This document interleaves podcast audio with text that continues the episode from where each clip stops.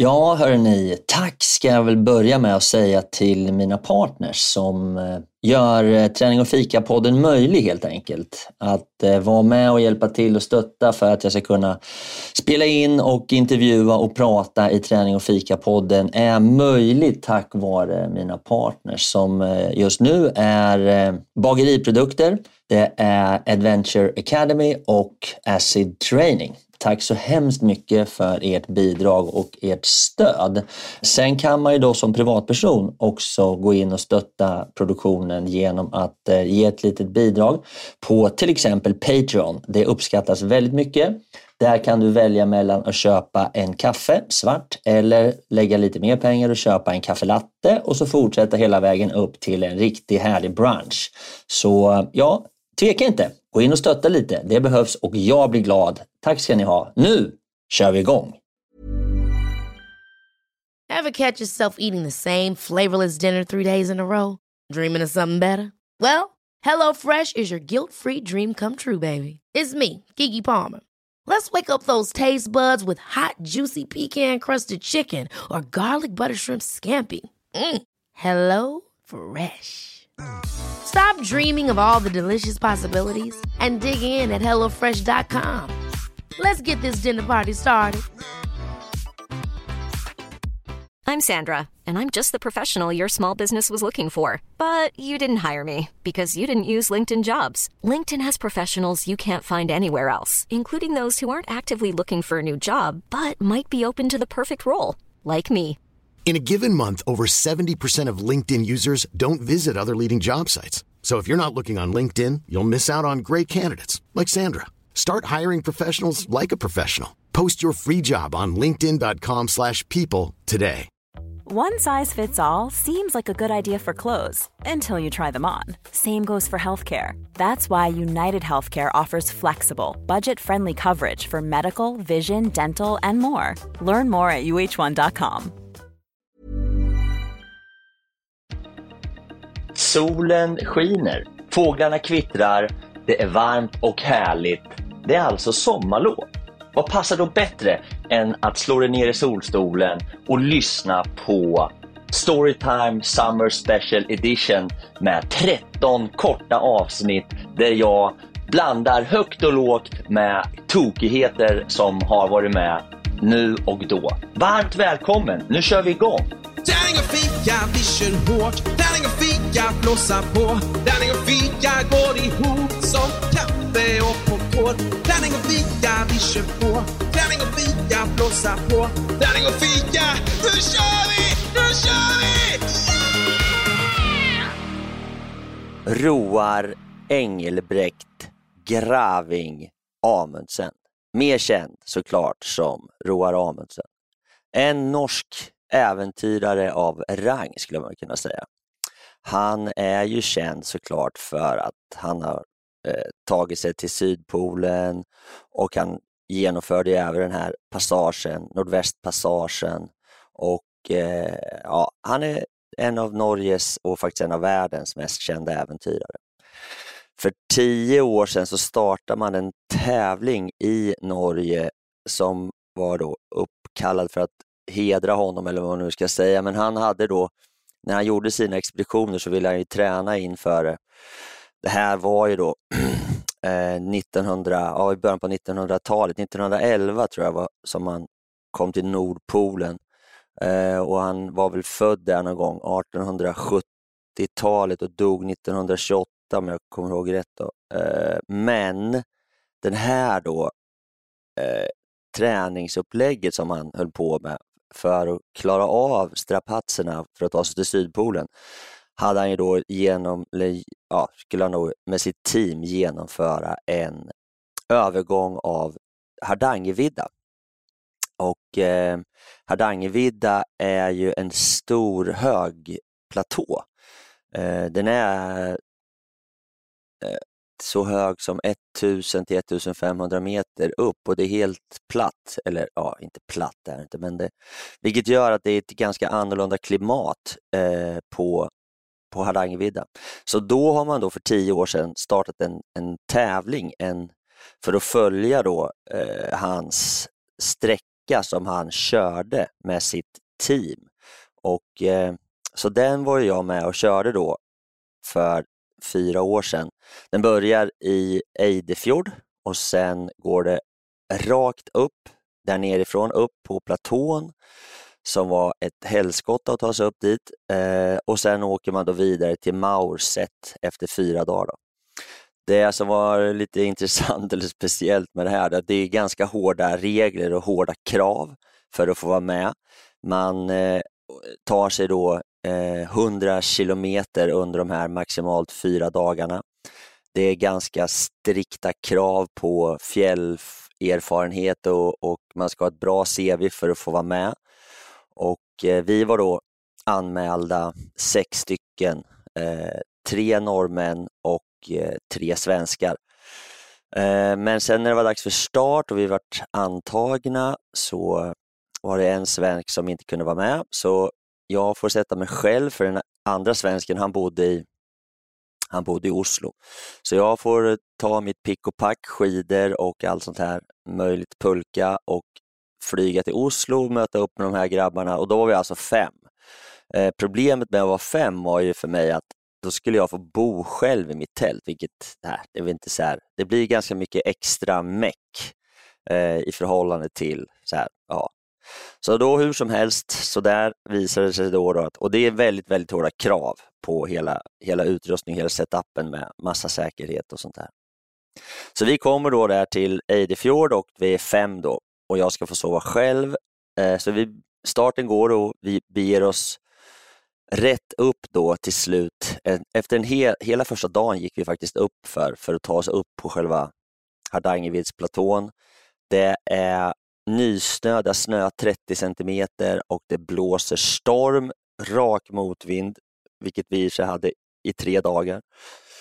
Men vi går hela dagen, hela förmiddagen, hela, hela ja, käkar lunch, vi fortsätter att gå hela dagen. Det är, är blåsigt, kallt och äh, men rätt jävliga förhållanden. Man har en pulka dessutom då som väger, som väger minst 44 kilo. 44 kilo på en pulka gör att pulkan blir inte så jäkla lätt att hantera. Den liksom, det, ja, man får massa knuffar ifrån den och den, vill inte, den är bångstyrig helt enkelt.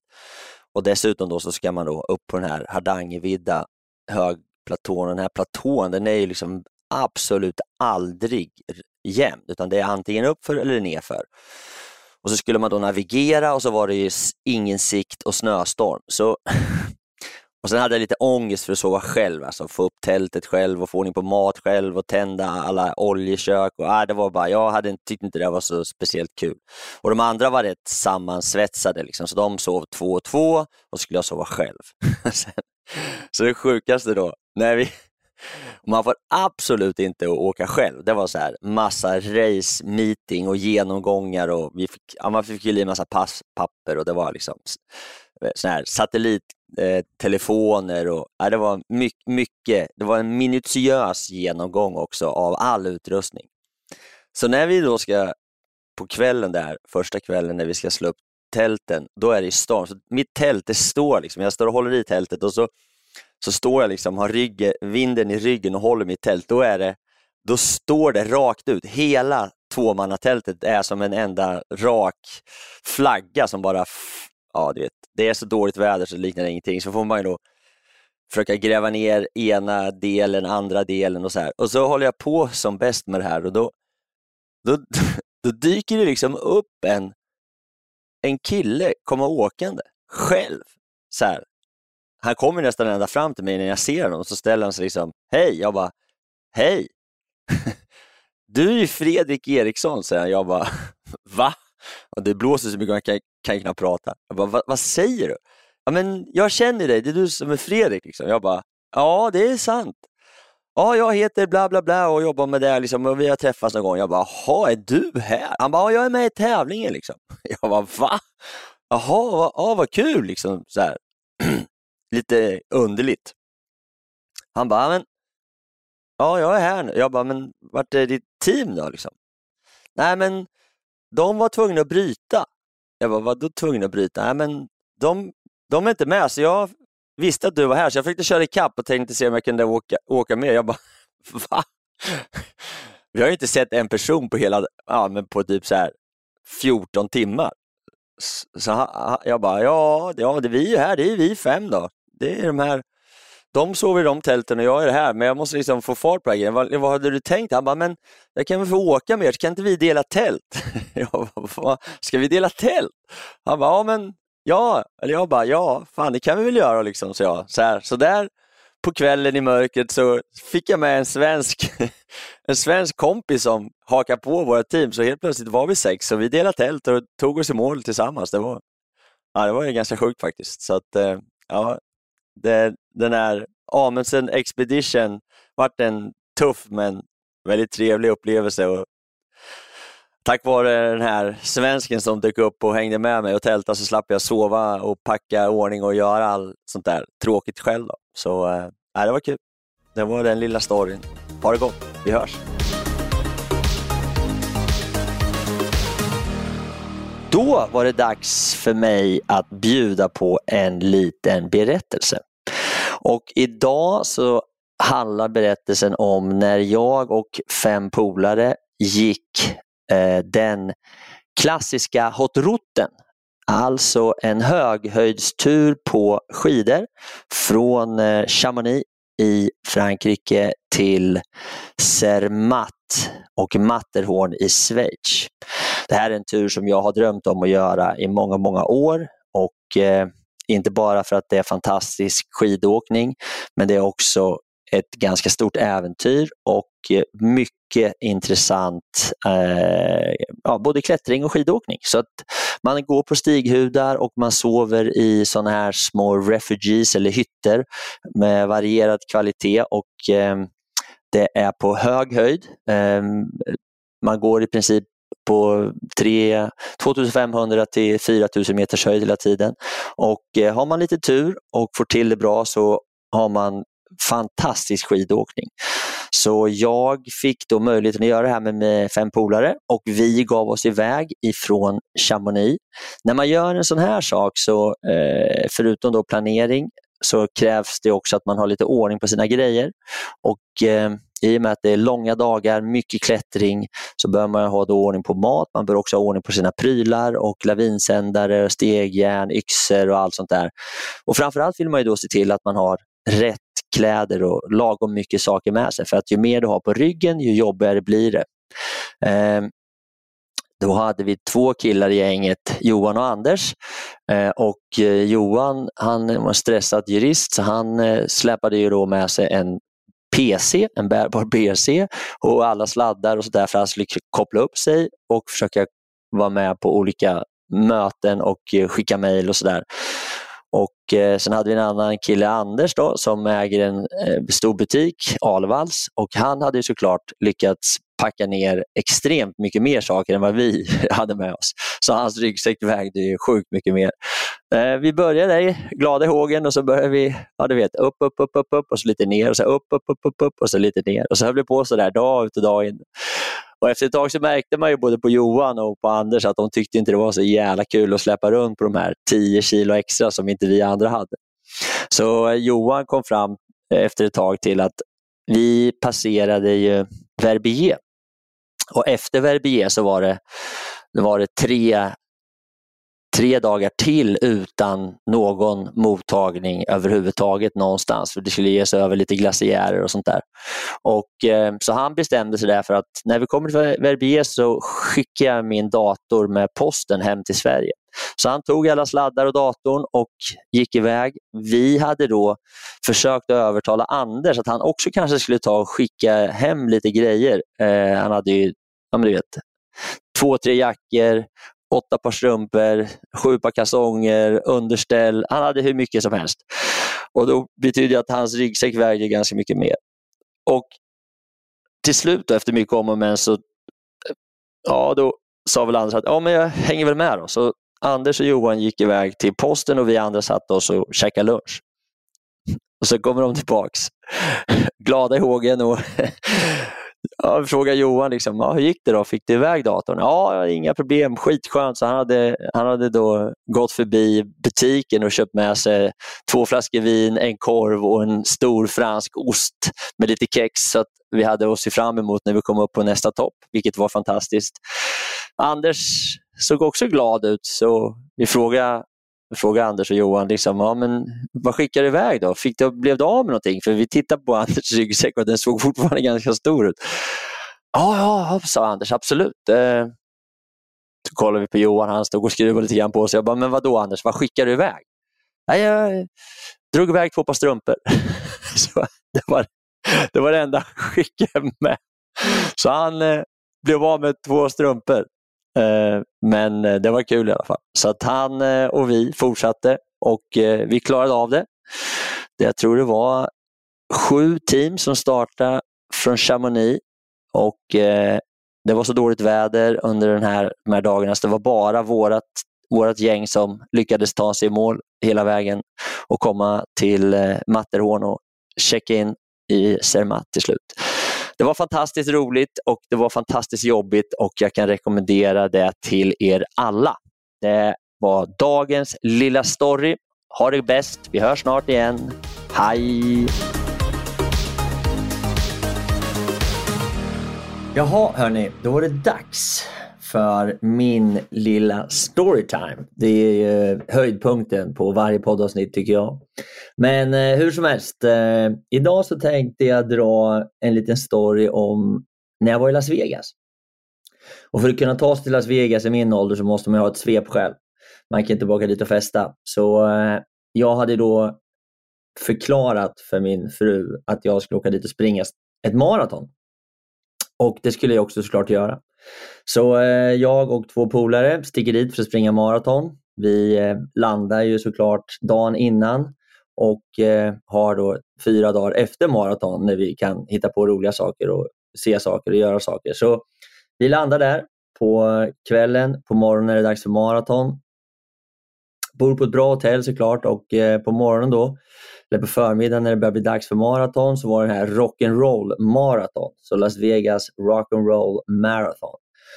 Och eh, vi gör oss i ordning där det är ändå ett maraton som ska springas så det är bra förberedelser. Jag har sprungit några maraton förut så vi börjar liksom där, ja, käka en bra frukost och förbereda oss över lunchen och sen så går starten på eh, ja, tidig eftermiddag. Så vi börjar hämta nummerlappar och eh, tar oss bort till startområdet. Och där hände ju första saken som man tycker är lite underlig.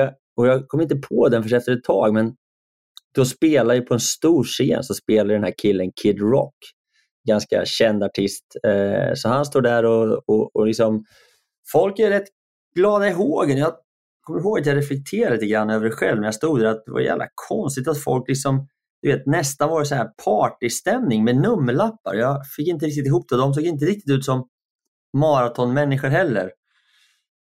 Men det var ett jävla drag och äh, jag tyckte det var ganska kul. Och hur som helst, vi kom ifrån varandra där ett tag och sen ja, till slut så började liksom han bli färdig och då kom jag på att nu är det dags för start. Så jag får liksom springa järnet till start och där hittade jag då mina två kompisar. Så starten går ut på strippen där och så, nästa underliga sak som händer det är liksom att ja, man kunde liksom stanna vid den här Welcome to Fabulous Las Vegas, den här skylten.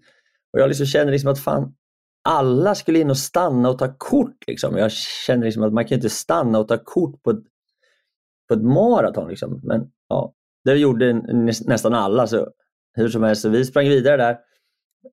Liksom, det började gnaga någon typ av så här, känsla. Vi hade inte riktigt koll på läget heller tydligen, eller visade sig såklart. Så, så vi springer där fram och tillbaka på strippen och det är rätt alltså, skitkul. Mycket folk och fantastiskt ställe att löpa på. Och då vänder det här tillbaks och sen in genom stan igen och sen hela vägen ända bort till det som kallas för gamla Las Vegas eller Old Las Vegas. Så vi springer in där och det är också helt magiskt att springa där. Det är liksom folk överallt och det är fest och rock'n'roll och det är liksom världens drag. Det är skitkul. Liksom. Och så börjar vi vända tillbaks in, eh, in, liksom tillbaks in mot Las Vegas, downtown och då har vi dessutom har vi inte riktigt kollat på kartan hur banan går men så kommer vi på en lång raka där och då börjar man tänka liksom att det här, vi har ju bara sprungit 7-8 kilometer och det är inte långt kvar. Vart ska vi ta vägen? Och Då kommer vi till en, till en korsning, eller inte en korsning, utan det är liksom, vägen går rakt fram och alla springer och det är massor med folk. Liksom. Det är folk överallt. Jag bara tänker, hur fan, de, ska alla de här springa maraton? Liksom? Nej. Då visar det sig liksom att då är det en, en avstickare till höger, rakt ut i mörkret. Liksom, från den här stora, fina, härliga vägen. Och, och där är det, det är ingen som springer dit. Alla springer, så då springer alla en mil. Och så är det vi tre då som ska springa maraton. Så jag viker ut på det här maratonspåret och då är det, det är kolsvart, motvind och då är det, ja, men det, det är så här 3,2 mil kvar ut i öknen själv. Vi är själva. Det är ingen som springer med oss. Det är bara vi som springer maraton. Typ. Så då har man lite att göra där i motvinden och till slut så kom vi då i alla fall i mål och det var, var en fantastisk resa till Las Vegas. Men just det här att jag började känna oro redan när Kid Rock stod där och folk festade. Och så tänkte jag så här, fan, ska alla de här springa? Hur som helst, det var dagens story. Kram på er! Då var det återigen dags för programmets absoluta höjdare, nämligen lite dags för storytime. Och idag så tänkte jag berätta om när jag var nere i Sydafrika. Det här var ju 2010 och det var i samband med fotbolls-VM som spelades i Sydafrika och jag var nere i Kapstaden för en kunds räkning tillsammans med en kollega, en copy och vi var där eh, under ett par dagar för att ja, göra en del uppgifter, eh, eh producera lite reklam och sådana saker. Hur som helst, vi hade då på helgen lyckats pricka in att vi skulle besöka en en eh, safari. Jag ville så gärna åka ut i vildmarken och testa på safari. Och eh, Det här var då i, i samband med fotbolls-VM och eh, 2010 var i Sverige, eh, hade Sverige inte kvalat in, så vi var liksom, ah, vi tyckte det var så här halvintressant eh, att vara där, men det var fantastiskt kul att vara i Kapstaden. Och jag var då lite besatt av att försöka göra och komma ut på ett safari och se lite vilda djur och så vidare. Så vi eh, tar oss då till ett ställe som heter Sambona och eh, hoppar ut där, eh, checkar in på en sån här lounge, lounge, lodge heter det och eh, det är fantastiskt. När du kommer dit så eh, bor man då i liksom någon så lite finare variant av, av tält, såna här lite hyggetält eller såna här ja, glampingtält och sen var det en, en huvudbyggnad med restaurang och det var skittrevligt. Så vi hade, vi hade det toppen där och så på dagarna så hoppade man på, eh, första dagen så hoppade vi på en sån här, vi var där två dagar, så första dagen hoppade vi på en, en jeep tillsammans med en, eh, en sån här gamekeeper då, som tog med oss ut och vi hade kameror med oss och vi hade på oss äventyrskläder tyckte vi och vi skulle ut mitt ute i, i den här ja, landskapet då, som var någon typ av savannstäpp där nere i, i Cape Town. Det var den enda som fanns i närheten där. Så vi var supertaggade och vi kommer ut tillsammans då och är såklart eh, helt uppslukade av, av liksom eh, elefanter och eh, giraffer och olika typer av, av eh, antiloper. Och, och, vi fick se det mesta, det var liksom helt galet. Och vi var ute tidigt så tiden rullade på där under den här dagen. Vi skumpar fram och, och helt plötsligt så, så kommer vi fram och då, så stannar en bil och så är det liksom ett gäng eh, lejon där. Och Vi tar lite piano vi vi tittar och de är ganska nära bilen och vi tycker liksom att det här är spännande på riktigt. Så vi, vi tre, då, han körde bilen och jag och, och, och jag och Mummer var ute och tittade på det här, eller satt i bilen och tittade på det här. Och, ja, sen så blev ju klockan, ja om den fasiken kan ha varit 11, halv 12 där. Då så sa han bara den här britten att det var dags att eh, ta en litet break och ta en liten, eh, ja, en liten fikastund.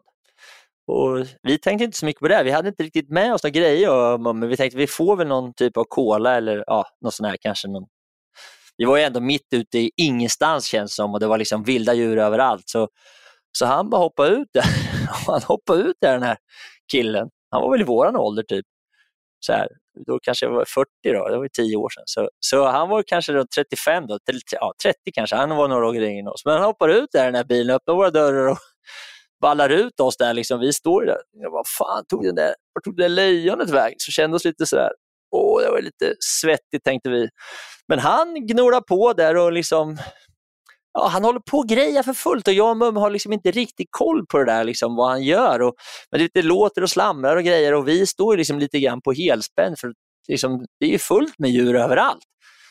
så, och rätt som det är så ropar han “Guys, it's time for, it's time for uh, you know, the coffee break”. så vi, och vi kommer dit och det är så skönt för det är då man inser liksom, att britterna prioriterar olika saker än vad vi svenskar gör. Liksom. Så då går vi runt på baksidan av bilen. Då har han dukat upp en sån här riktigt fin liksom, utebuffé då med, med liksom allt vad man kan önska i form av sprit. eller vin. Det är liksom riktiga glas i kristall. Det är, det är Beefeaters gin, små flaskor. Det är Schweppes, det är Apple cider, det är Castle beer, det är rödvin och det är snacks.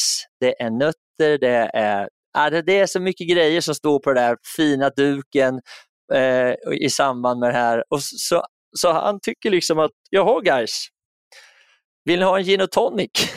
och vi kollar på varandra. Liksom. Ja, då har han is, höga fina glas, citronskiva, gin och tonic. Så vi bara, ja, det är väl lika bra att ta gin och tonic. Så där står vi med den här britten och våran gröna jeep och dricker gin och tonic mitt ute i savannen med lejon och elefanter. Liksom. Alltså det var så overkligt så vi liksom stod där och flabbade, men den var ju fantastiskt god. Och vi Tacka vår lyckliga stjärna att vi var ute med eh, bodde på en brittisk lodge som hade lite ordning och, eh, ordning och reda på grejerna, så vi fick en riktigt bra gin och tonic ute i vildmarken. Det var fantastiskt. Så eh, det var dagens lilla story hörni. Ge er ut i bussen och drick en gin och tonic. Det löser alla problem. Man behöver inte ens vara rädd för ormar eller lejon eller något annat farligt, utan det är bara att stå och njuta. Hörni, vi hörs. Ha det bra. Hej! Jaha hörni, då är det dags. Som avslutning på podden brukar jag dra en liten rövarhistoria eller någonting som jag har varit med om. Mer eller mindre sant kan det också vara, men jag tar i alla fall lite utrymme här och drar något lite skoj. Idag så tänkte jag ta mig till Grekland. Det var nämligen så att det var ett par år sedan såklart, men jag var och, tog, och båtluffade i grekiska övärlden. Jag och eh, fyra polare och det var fantastiskt roligt. Och eh, Jag vet inte om ni har koll på det, men jag hade inte riktigt koll på det när jag, när jag stack dit, att det var så stora båtar. Eh, det är ganska stora, det är som Finlandsfärjor. Man tror att det ska vara lite mindre båtar som kommer. Men det är, ju stora båtar. Så vi sitter där på eh, en ö som heter Santorini och hade festat ganska hårt i ja, tio dagar, så vi hade bestämt oss för att byta ö. Vi var tvungna att komma till en lite lugnare ö. Då sitter vi där på morgonen och eh, är ganska bakis och sitter i det här kaféet precis nedanför hamnen där färjan ska komma in då liksom och eh, ja, dricker lite kaffe och försöker vakna till liv där och, och eh, ta lite frukost och båten ska komma här inom en halvtimme typ. Så att vi är färdigpackade och, och då är ena killen, kompisen som berättade att han satt här förra året när han var här på tåg, båttågluff och, och så berättade han så här, att de här hade där suttit två tjejer precis där satt, inne på restaurangen, precis nere vid hamnen. Och så hade de suttit där och så hade båten kommit. Och det var ingen liten båt, det var en stor jävla jättebåt som kom in. Och de hade liksom, tjejerna suttit där, ja vad kul, nu kommer båten och så liksom, du vet. Och sen så, ja, så hade båten lagt till och de hade inte hunnit med båten. Så de fick ju köpa nya biljetter och han bara, ah, vilka jävla puckon. Liksom. Hur kunde de missa den här båten? Den var ju lika stor som ett kryssningsfartyg. Liksom. Äh, och vi liksom bara, ah, det låter ju helt galet. Hur fan kan man göra det? Liksom? Vi sitter dessutom 20 meter därifrån. Ja, ja, så vi satt där och garvade och hånade dem lite grann. Sen tar det ett tag då liksom, och sen så helt plötsligt så kommer den där jävla båten indragande. Stor som ett arsle liksom. Och vi bara, vad fasiken. Okej, okay. så det var bara att eh, ser den här båten komma in. Den öppnar upp för den. den vi börjar göra oss ordning för att gå dit. Den lägger till. En person går av, en går på och så lägger den ut igen. Så vi missar också båten. Vi bara, det kan inte vara sant. Det bara bam, bam sa det. Och så det slutar med att vi får gå och köpa nya biljetter och bli hånade och, och skratta ihjäl oss åt själva hur jävla klantiga vi kan vara som också missar den där båten. Helt osannolikt. Så eh, ja, hörni, det var dagens lilla storytime. Vi hörs och ha en underbar dag. Kram på er!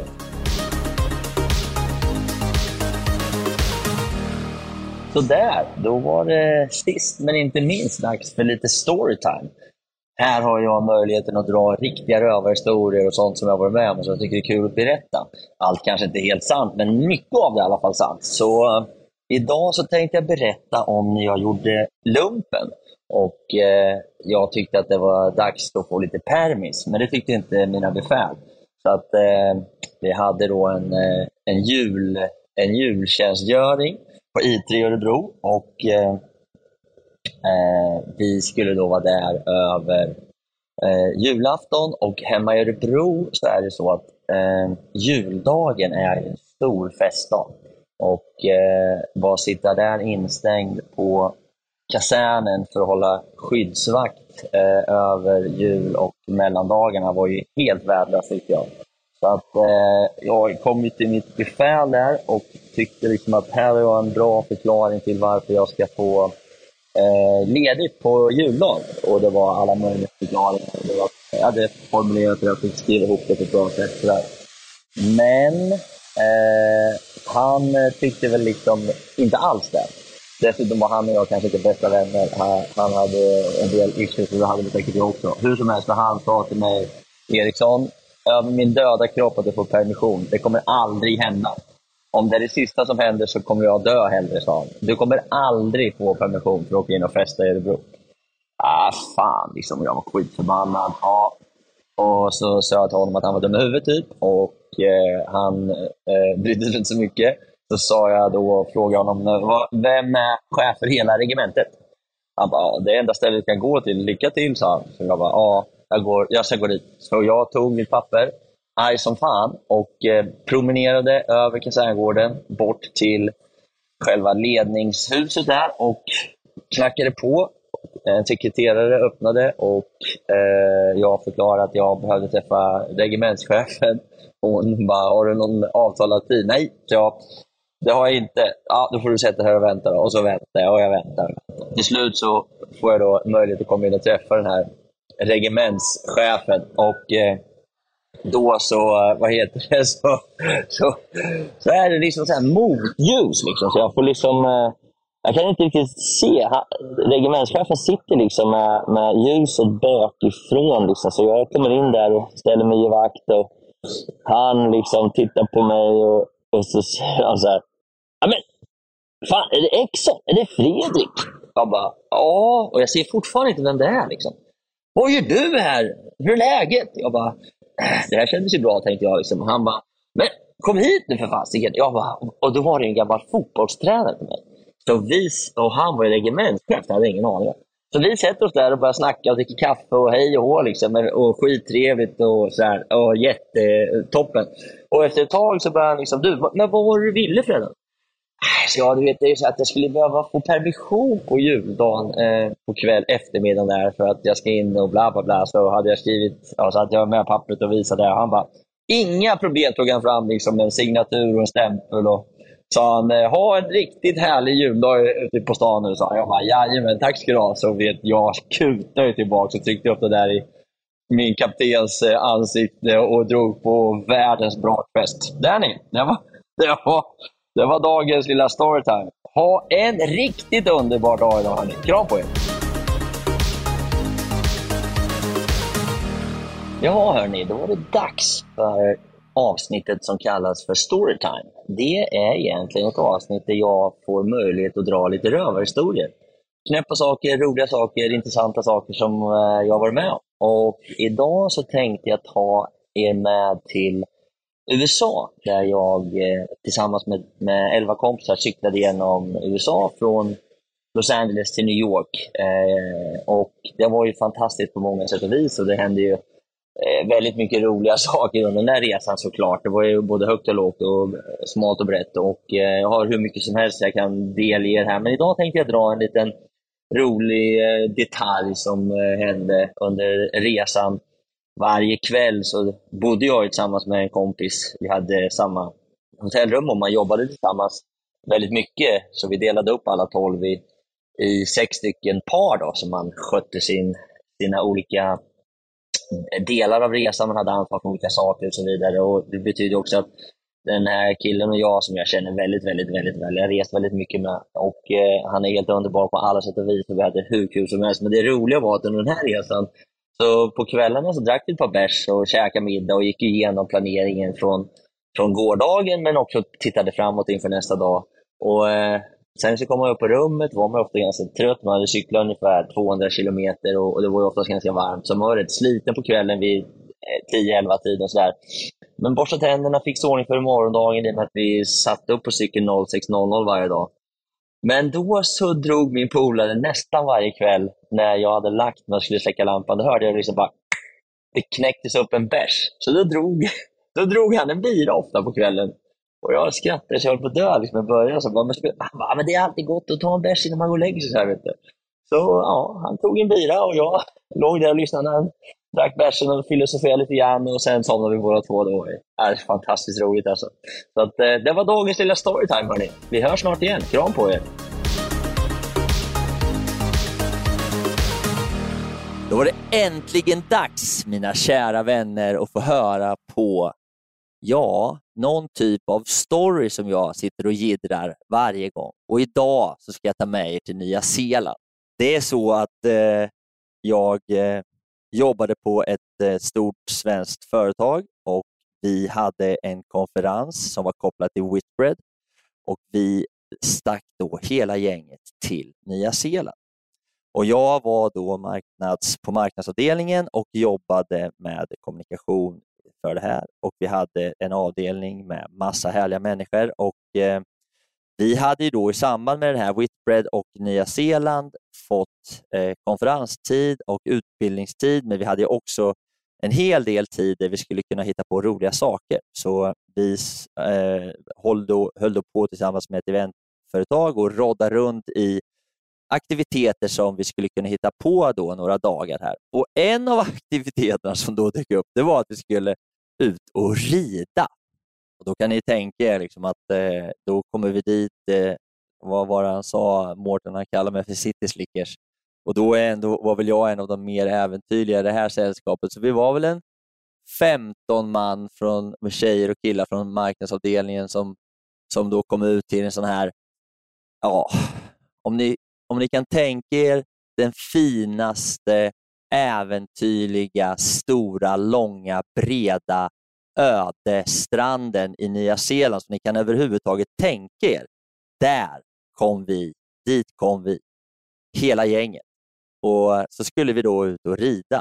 Och eh, Det var ett ungt och friskt gäng som hamnade på den här magiska platsen med fantastiska hästar och eh, ett gäng eh, sympatiska australiensare som skulle då rida med oss och få fart på det här. Och, och vi var ju helt övertända såklart och tyckte det var underbart.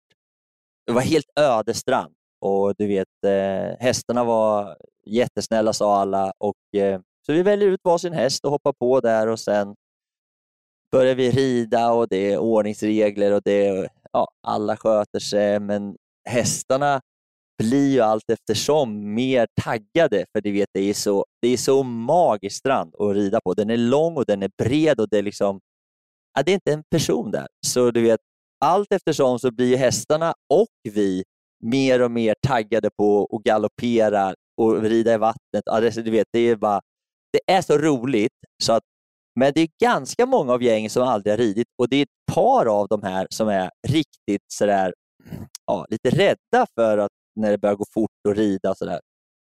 Och då är det en tjej då som är, ja, hon är väldigt, väldigt liten och tunn och hon får en stor jävla häst. Hon har aldrig ridit förut, Men vi peppar henne och hon är ja, hon liksom upp på hästen och kör och tycker att det är kul. Och så efter ett tag så blir det mer och mer stursk och vi rider fram och tillbaks där och har skitkul. Och hon bara liksom så här, ja men jag kanske ska prova att komma upp i galopp.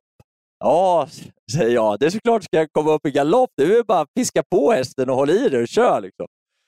Oh, och jag hör hon tvekar och frågar lite andra och pratar med en av instruktörerna. Och hon, hon rider väldigt försiktigt, men så ser man ju på den här hästen liksom, att den blir mer och mer så här, ja, den börjar studsa för alla andra springer runt där som fasiken. Och sen, ja, vid något tillfälle där efter ett tag då, så, se, så ser jag liksom i ögonvrån när jag, jag är ute och rider ganska, galopperar, men då kommer det en häst i bakifrån liksom, i full galopp med öronen bakåt och någonting som fladdrar. Liksom.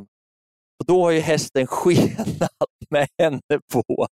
Så den, den rider ju för, hon rider ju förbi mig och jag på riktigt, hon hänger. liksom.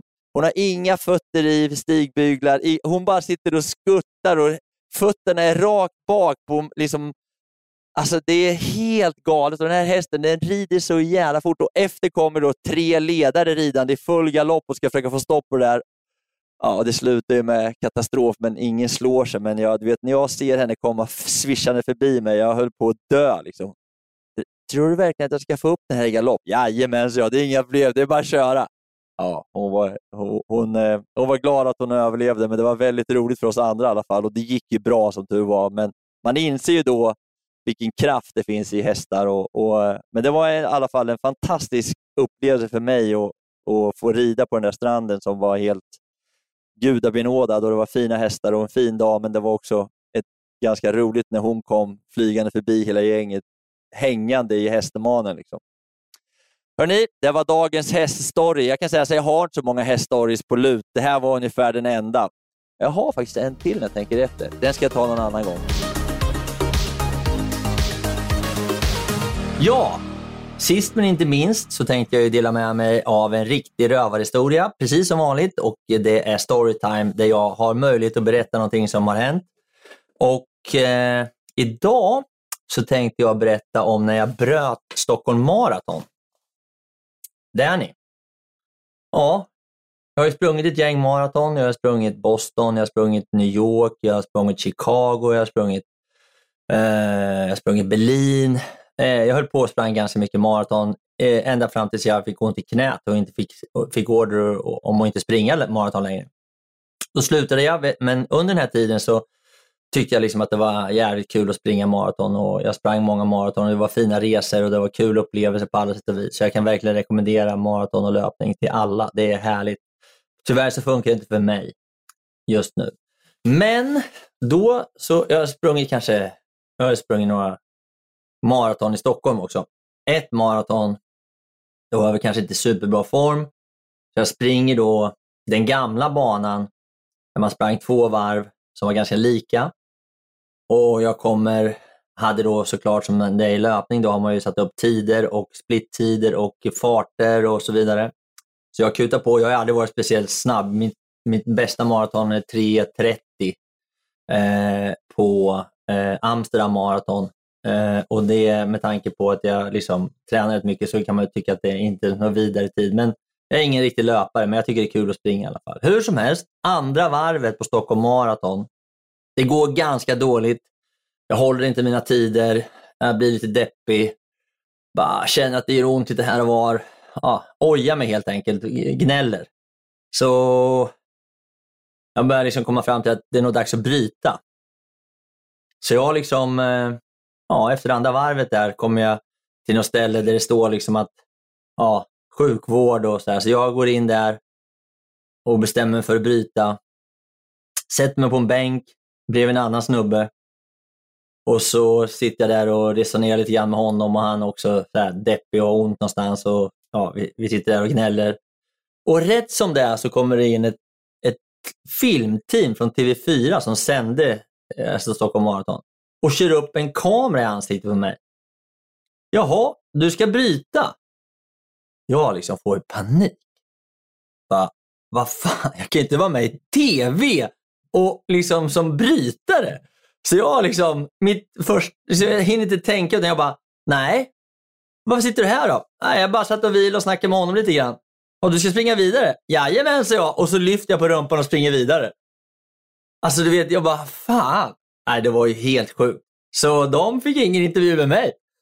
Men det, det var inte riktigt så det var planerat. Vilket så här i efterhand var en jäkla tur. Det är ingen kul att bryta, eh, bryta ett lopp. Jag har brutit ett lopp i hela mitt liv och det är Vasaloppet en gång.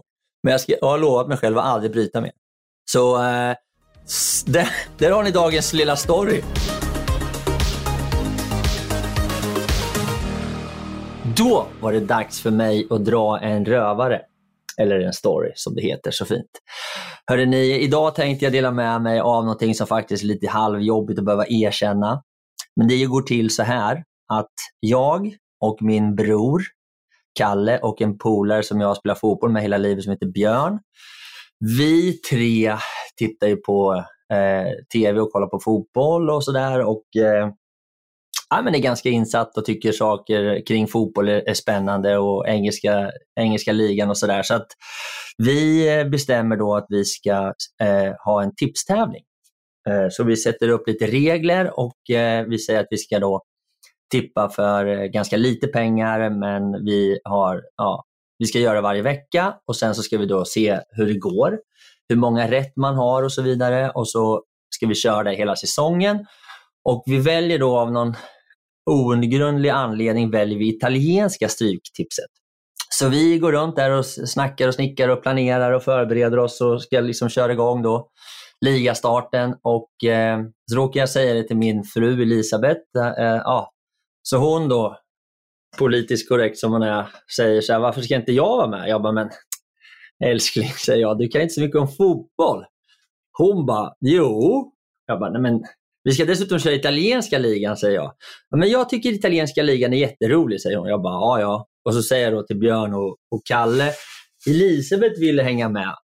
Så, och då sitter vi där på något fik och flabbar lite. Ja, ja, det är klart de får vara med. Liksom. Så hade vi någon så här liten grundinsats där man då skulle kunna vinna de här pengarna. Ja, så vi bjuder väl in då Elisabeth till vår lilla chatt där och sätter igång och tippa. Och, ja, det går väl så här, halv, ganska bra. Det rullar på, vi kämpar på. Inga så direkta superresultat, men det, ja, ligan spelar ju på, det går. Och eh, match efter match och det börjar väl då efter eh, lite drygt eh, ja, två tredjedelar av säsongen så, så är det då tyvärr får man konstatera att både Björn och Kalle blir mer och mer avhängda. Och eh, ännu mer tyvärr är väl att det visar sig att Elisabeth börjar rycka ifrån i toppen. Så jag hamnar i någon typ av ingenmansland. Kalle och Björn blir avhängda och eh, vi kommer fram till sista omgången. Absolut sista matchen och då har jag en ganska bra chans ändå att komma ikapp Elisabeth om jag lyckas pricka in en bra score och hon gör bort sig helt och hållet. Så Kalle och Björn har vi sagt tack och hej till och de går och surar och jag laddar för fullt inför sista omgången. Och Elisabeth, eh, jag frågade Elisabeth lite grann då i samband med att det höll på att bli lite så här tufft läge och behöva erkänna sig besegrad. Hur har du tänkt liksom? Nej, men hon hade två teorier då om jag kommer ihåg rätt. Det ena var så här att, ja men, nej. De spelar ju oftast ganska eh, dåligt borta och det blir ganska sällan mycket mål och de vinner hemma. Så liksom kryss på de stora lagen borta och seger hemma. Med så här, ja. och, jag, eh, och Det var väl en ganska bra analys av italiensk fotboll då, för, för tio år sedan i alla fall. Och Sen så sa han också att sen så finns det några som jag tycker är lite snyggare, så jag hejar på dem. så jag bara, vad fan! så, så, där, så då inför sista omgången, så liket lever jag. är ganska säker på att det här, jag kommer ju ändå komma ikapp och gå förbi. Och då så får vi tillbaks då under eftermiddagen där får vi in, och hon sitter där och poängen börjar trilla in och resultaten.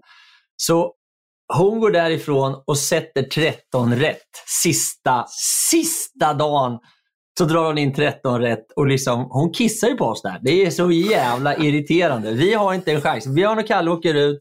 Jag får kanske så här 6 rätt och Elisabeth drar hem 13 rätt på Mm, italienska stryptipset. Mm. Bra Alltså, Elisabeth. ja, så Verkligen. jävla bra. jävla bra. Fy fan. Ja. så- Sen eh, nästa år så sket vi. så, Vad är det? Man törs inte bli besegrad fler än en gång. nej, en gång i tur. Mm. Ja, just Fast det är svårt att säga så, för det var faktiskt en hel säsong. Ja. Ja, nej, så jag bara hatten av för Elisabeth. 13 rätt på italienska stryktipset. Jag lägger mig platt. Gud.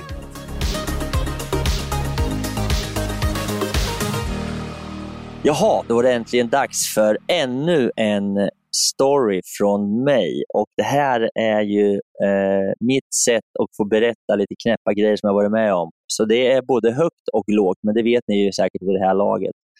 Och i, Nu är det så att jag har precis varit i Chamonix på sportlov och eh, då kom jag på att jag skulle berätta om en annan sport eller en annan resa till Alperna eh, där jag då var tillsammans med ett gäng. Det var faktiskt inte sportlov utan det var nyår. Vi var ett stort gäng som var i Bad Gastein och firade in millennieskiftet.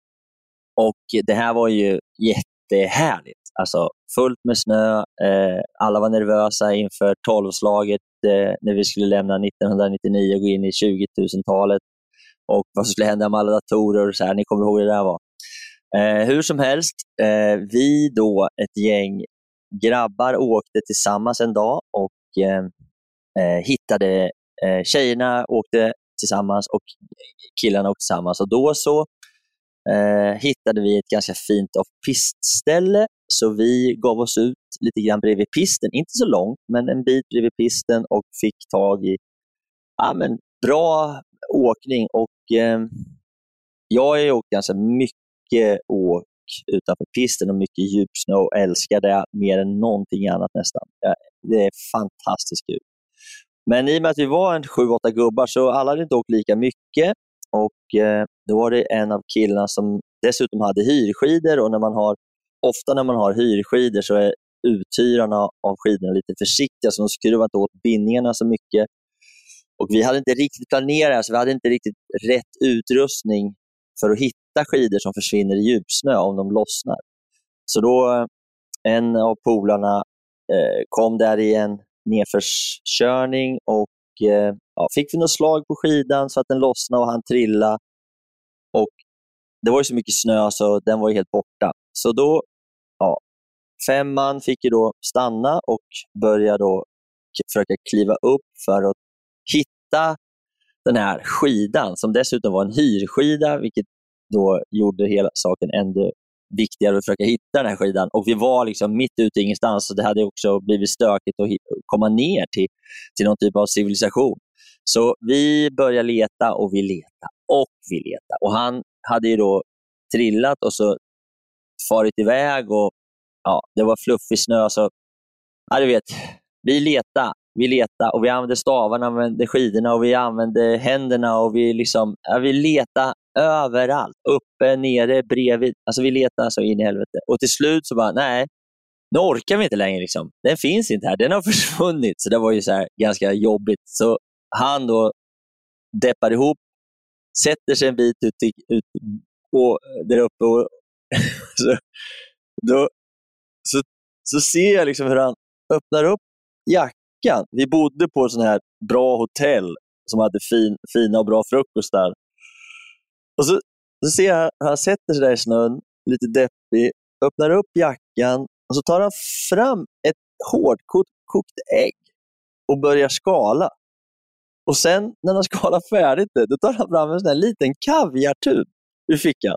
Och så har han en liten picknick där själv.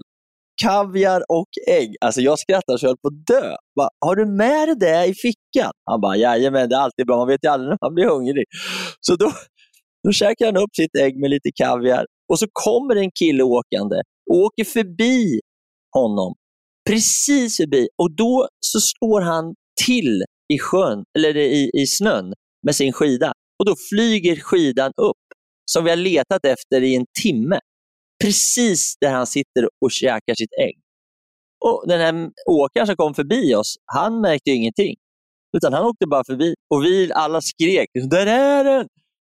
Så ja, det var fantastiskt. Eh, helt sjukt att man kan gå runt med ett ägg in i fickan en hel skiddag. Och eh, Det där ägget och lilla kaviartuben tror jag räddade den där offpist-turen och hans skidor. Så man ska inte underskatta en liten fika helt enkelt. Hörrni. Det var dagens storytime.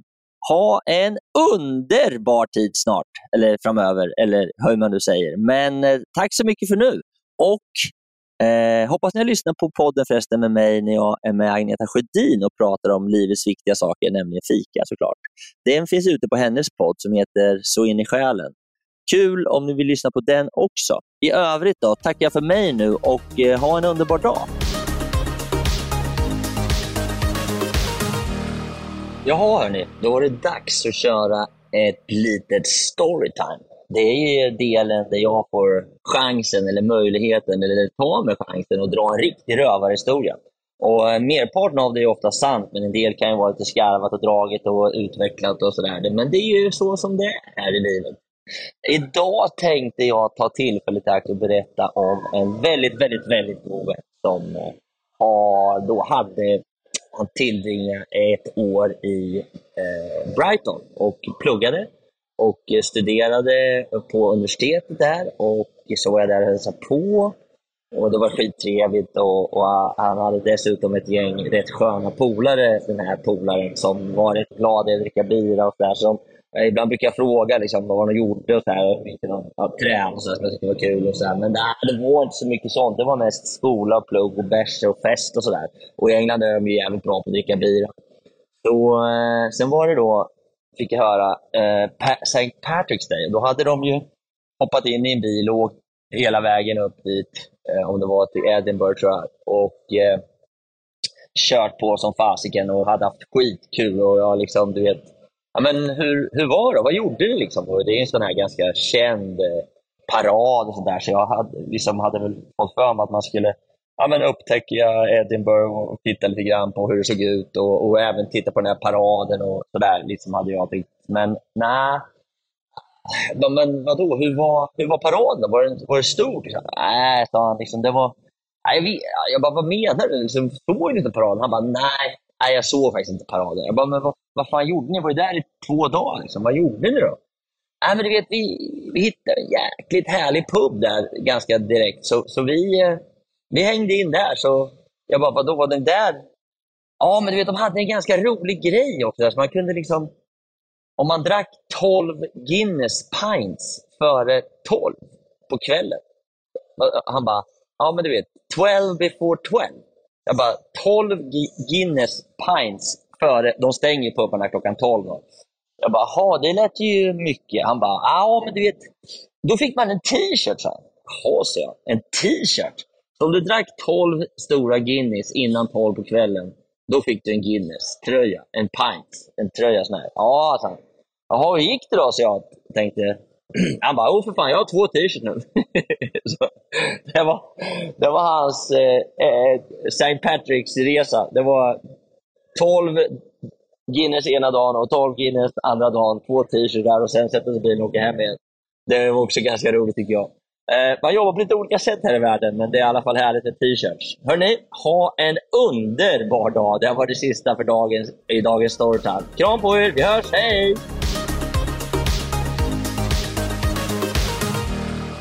Äntligen dags för lite stories från mig. Ja, jag brukar dra en story i varje program. Idag så ska jag berätta om en lite jobbig situation som uppstod på Vasaloppet för några år sedan. Jag har åkt många Vasalopp. Jag tror jag har åkt 18 Vasalopp. Och, eh, så man har lite rutiner eh, för att få till en bra start. Och eh, Jag brukar stå i startled 2 eller startled 1, lite olika beroende hur det har gått på so säsongen. Och eh, ja, det är ganska mycket eh, stök och bök i samband med själva Vasaloppsstarten. Det är, det är musik och det är nedräkning och det är eh, helikoptrar och mycket folk och eh, ja, men du vet, man vill komma iväg. Och då här för några år sedan, så som vanligt då så eh, tar jag en Red Bull på vägen ner från huset till starten. Och eh, ja, allt känns väl ganska bra. Jag brukar vara ganska sen in i startfållan. Och eh, alltid lite meck och strul för mig sådär på något sätt. Jag vet inte, jag ska packa ordning allting och vill inte frysa så mycket. Och var jäkligt kallt den här, den här starten. Och eh, jag står där och är lite sen och ska försöka då få ordning på allting. Packa ner, av med tröjan och av med byxorna, packa ner det, gå och lämna iväg säcken eh, utanför där och eh, gå tillbaks, ställa sig då, eh, drack upp min Red Bull och det är ganska stressigt. Eh, men jag liksom, du vet, knäpper fast bindningarna och tar fast, sätter fast stavarna och, och liksom reser mig upp och känner liksom att ja, nu kommer starten gå precis när som helst. Och så står man ju lite röd på fötterna och, och av någon outgrundlig anledning så lyfter jag på foten. Alltså jag kör skidan lite framåt och lite bakåt och när jag, när jag kör skidan bakåt då släpper skidan. Jag hade alltså inte satt fast skidan, alltså på ena foten. Så den åker iväg bakåt och som tur är så stod jag ganska långt fram, det var folk bakom. Och då är det så här att går starten och du står med en skida så blir du i princip överkörd i startled 2. Så jag bara holy shit. Så jag böjer mig ner, får tag i skidan, hivar fram den till min fot, stående då på ett, ett ben, knäpper upp spännet och trycker i foten, knäpper precis knäpper jag, då lyfter grinden framför och startskottet går. Så jag hinner liksom inte riktigt ställa mig upp innan starten går, men får fram stavarna och trycker till ett stavtag och tänker för mig själv när jag börjar åka iväg där att herregud om jag hade kommit iväg då och stakat utan att skidan satt fast. För det hade inte jag märkt förrän, ja förmodligen när jag kom någonstans mitt uppe i backen och då hade skidan kunnat flyga iväg all världens väg. Och jag hade dessutom kunnat slagit mig eller trillat. Det hade kunnat bli rätt stökigt. Så där fick jag mig verkligen en tankeställare. Det gick ju bra som tur var, men det var ren röta. Hade jag inte stått där och känt på glidet så hade jag, jag aldrig märkt det. Utan det hade kommit i, lite senare. Det hade blivit väldigt mycket stökigare. Så eh, det var dagens story hörni. Ut, på, ut i spåret och åk lite skidor vet jag. Eh, men kom ihåg att grepp fast skidan.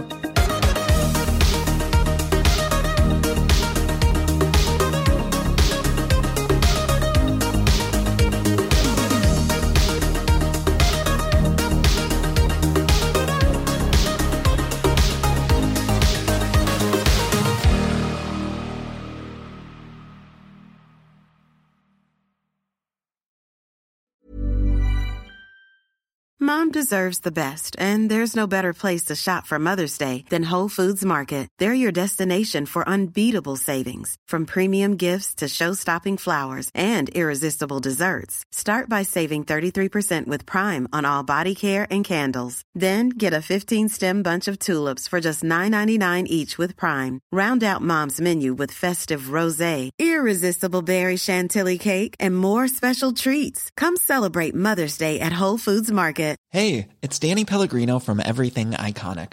Ready to upgrade your style game without blowing your budget? Check out Quince. They've got all the good stuff shirts and polos, activewear, and fine leather goods, all at 50 to 80% less than other high end brands. And the best part? They're all about safe, ethical, and responsible manufacturing. Get that luxury vibe without the luxury price tag. Hit up quince.com slash upgrade for free shipping and 365 day returns on your next order. That's quince.com slash upgrade. Hold up. What was that? Boring. No flavor. That was as bad as those leftovers you ate all week. Kiki Palmer here, and it's time to say hello to something fresh and guilt-free. Hello Fresh. Jazz up dinner with pecan-crusted chicken or garlic butter shrimp scampi. Now that's music to my mouth. Hello Fresh. Let's get this dinner party started. Discover all the delicious possibilities at hellofresh.com. Det var allt för den här gången hörni och jag tänkte avsluta lite kort med att återigen tacka mina fantastiska partners och sponsorer som är bageriprodukter, Acid Training och Adventure Academy. Och eh, återigen, har du en krona över eller är helt enkelt sugen på att bjuda på en kaffekopp så gå in på min Patreon och eh, köp en kaffe, en kaffelatte eller en hel brunch så kan jag fortsätta spela in podden, producera nya härliga avsnitt och eh, fortsätta att underhålla dig. Hoppas du har haft en fin lyssning och att vi snart hörs igen. Tack så mycket. Hej då!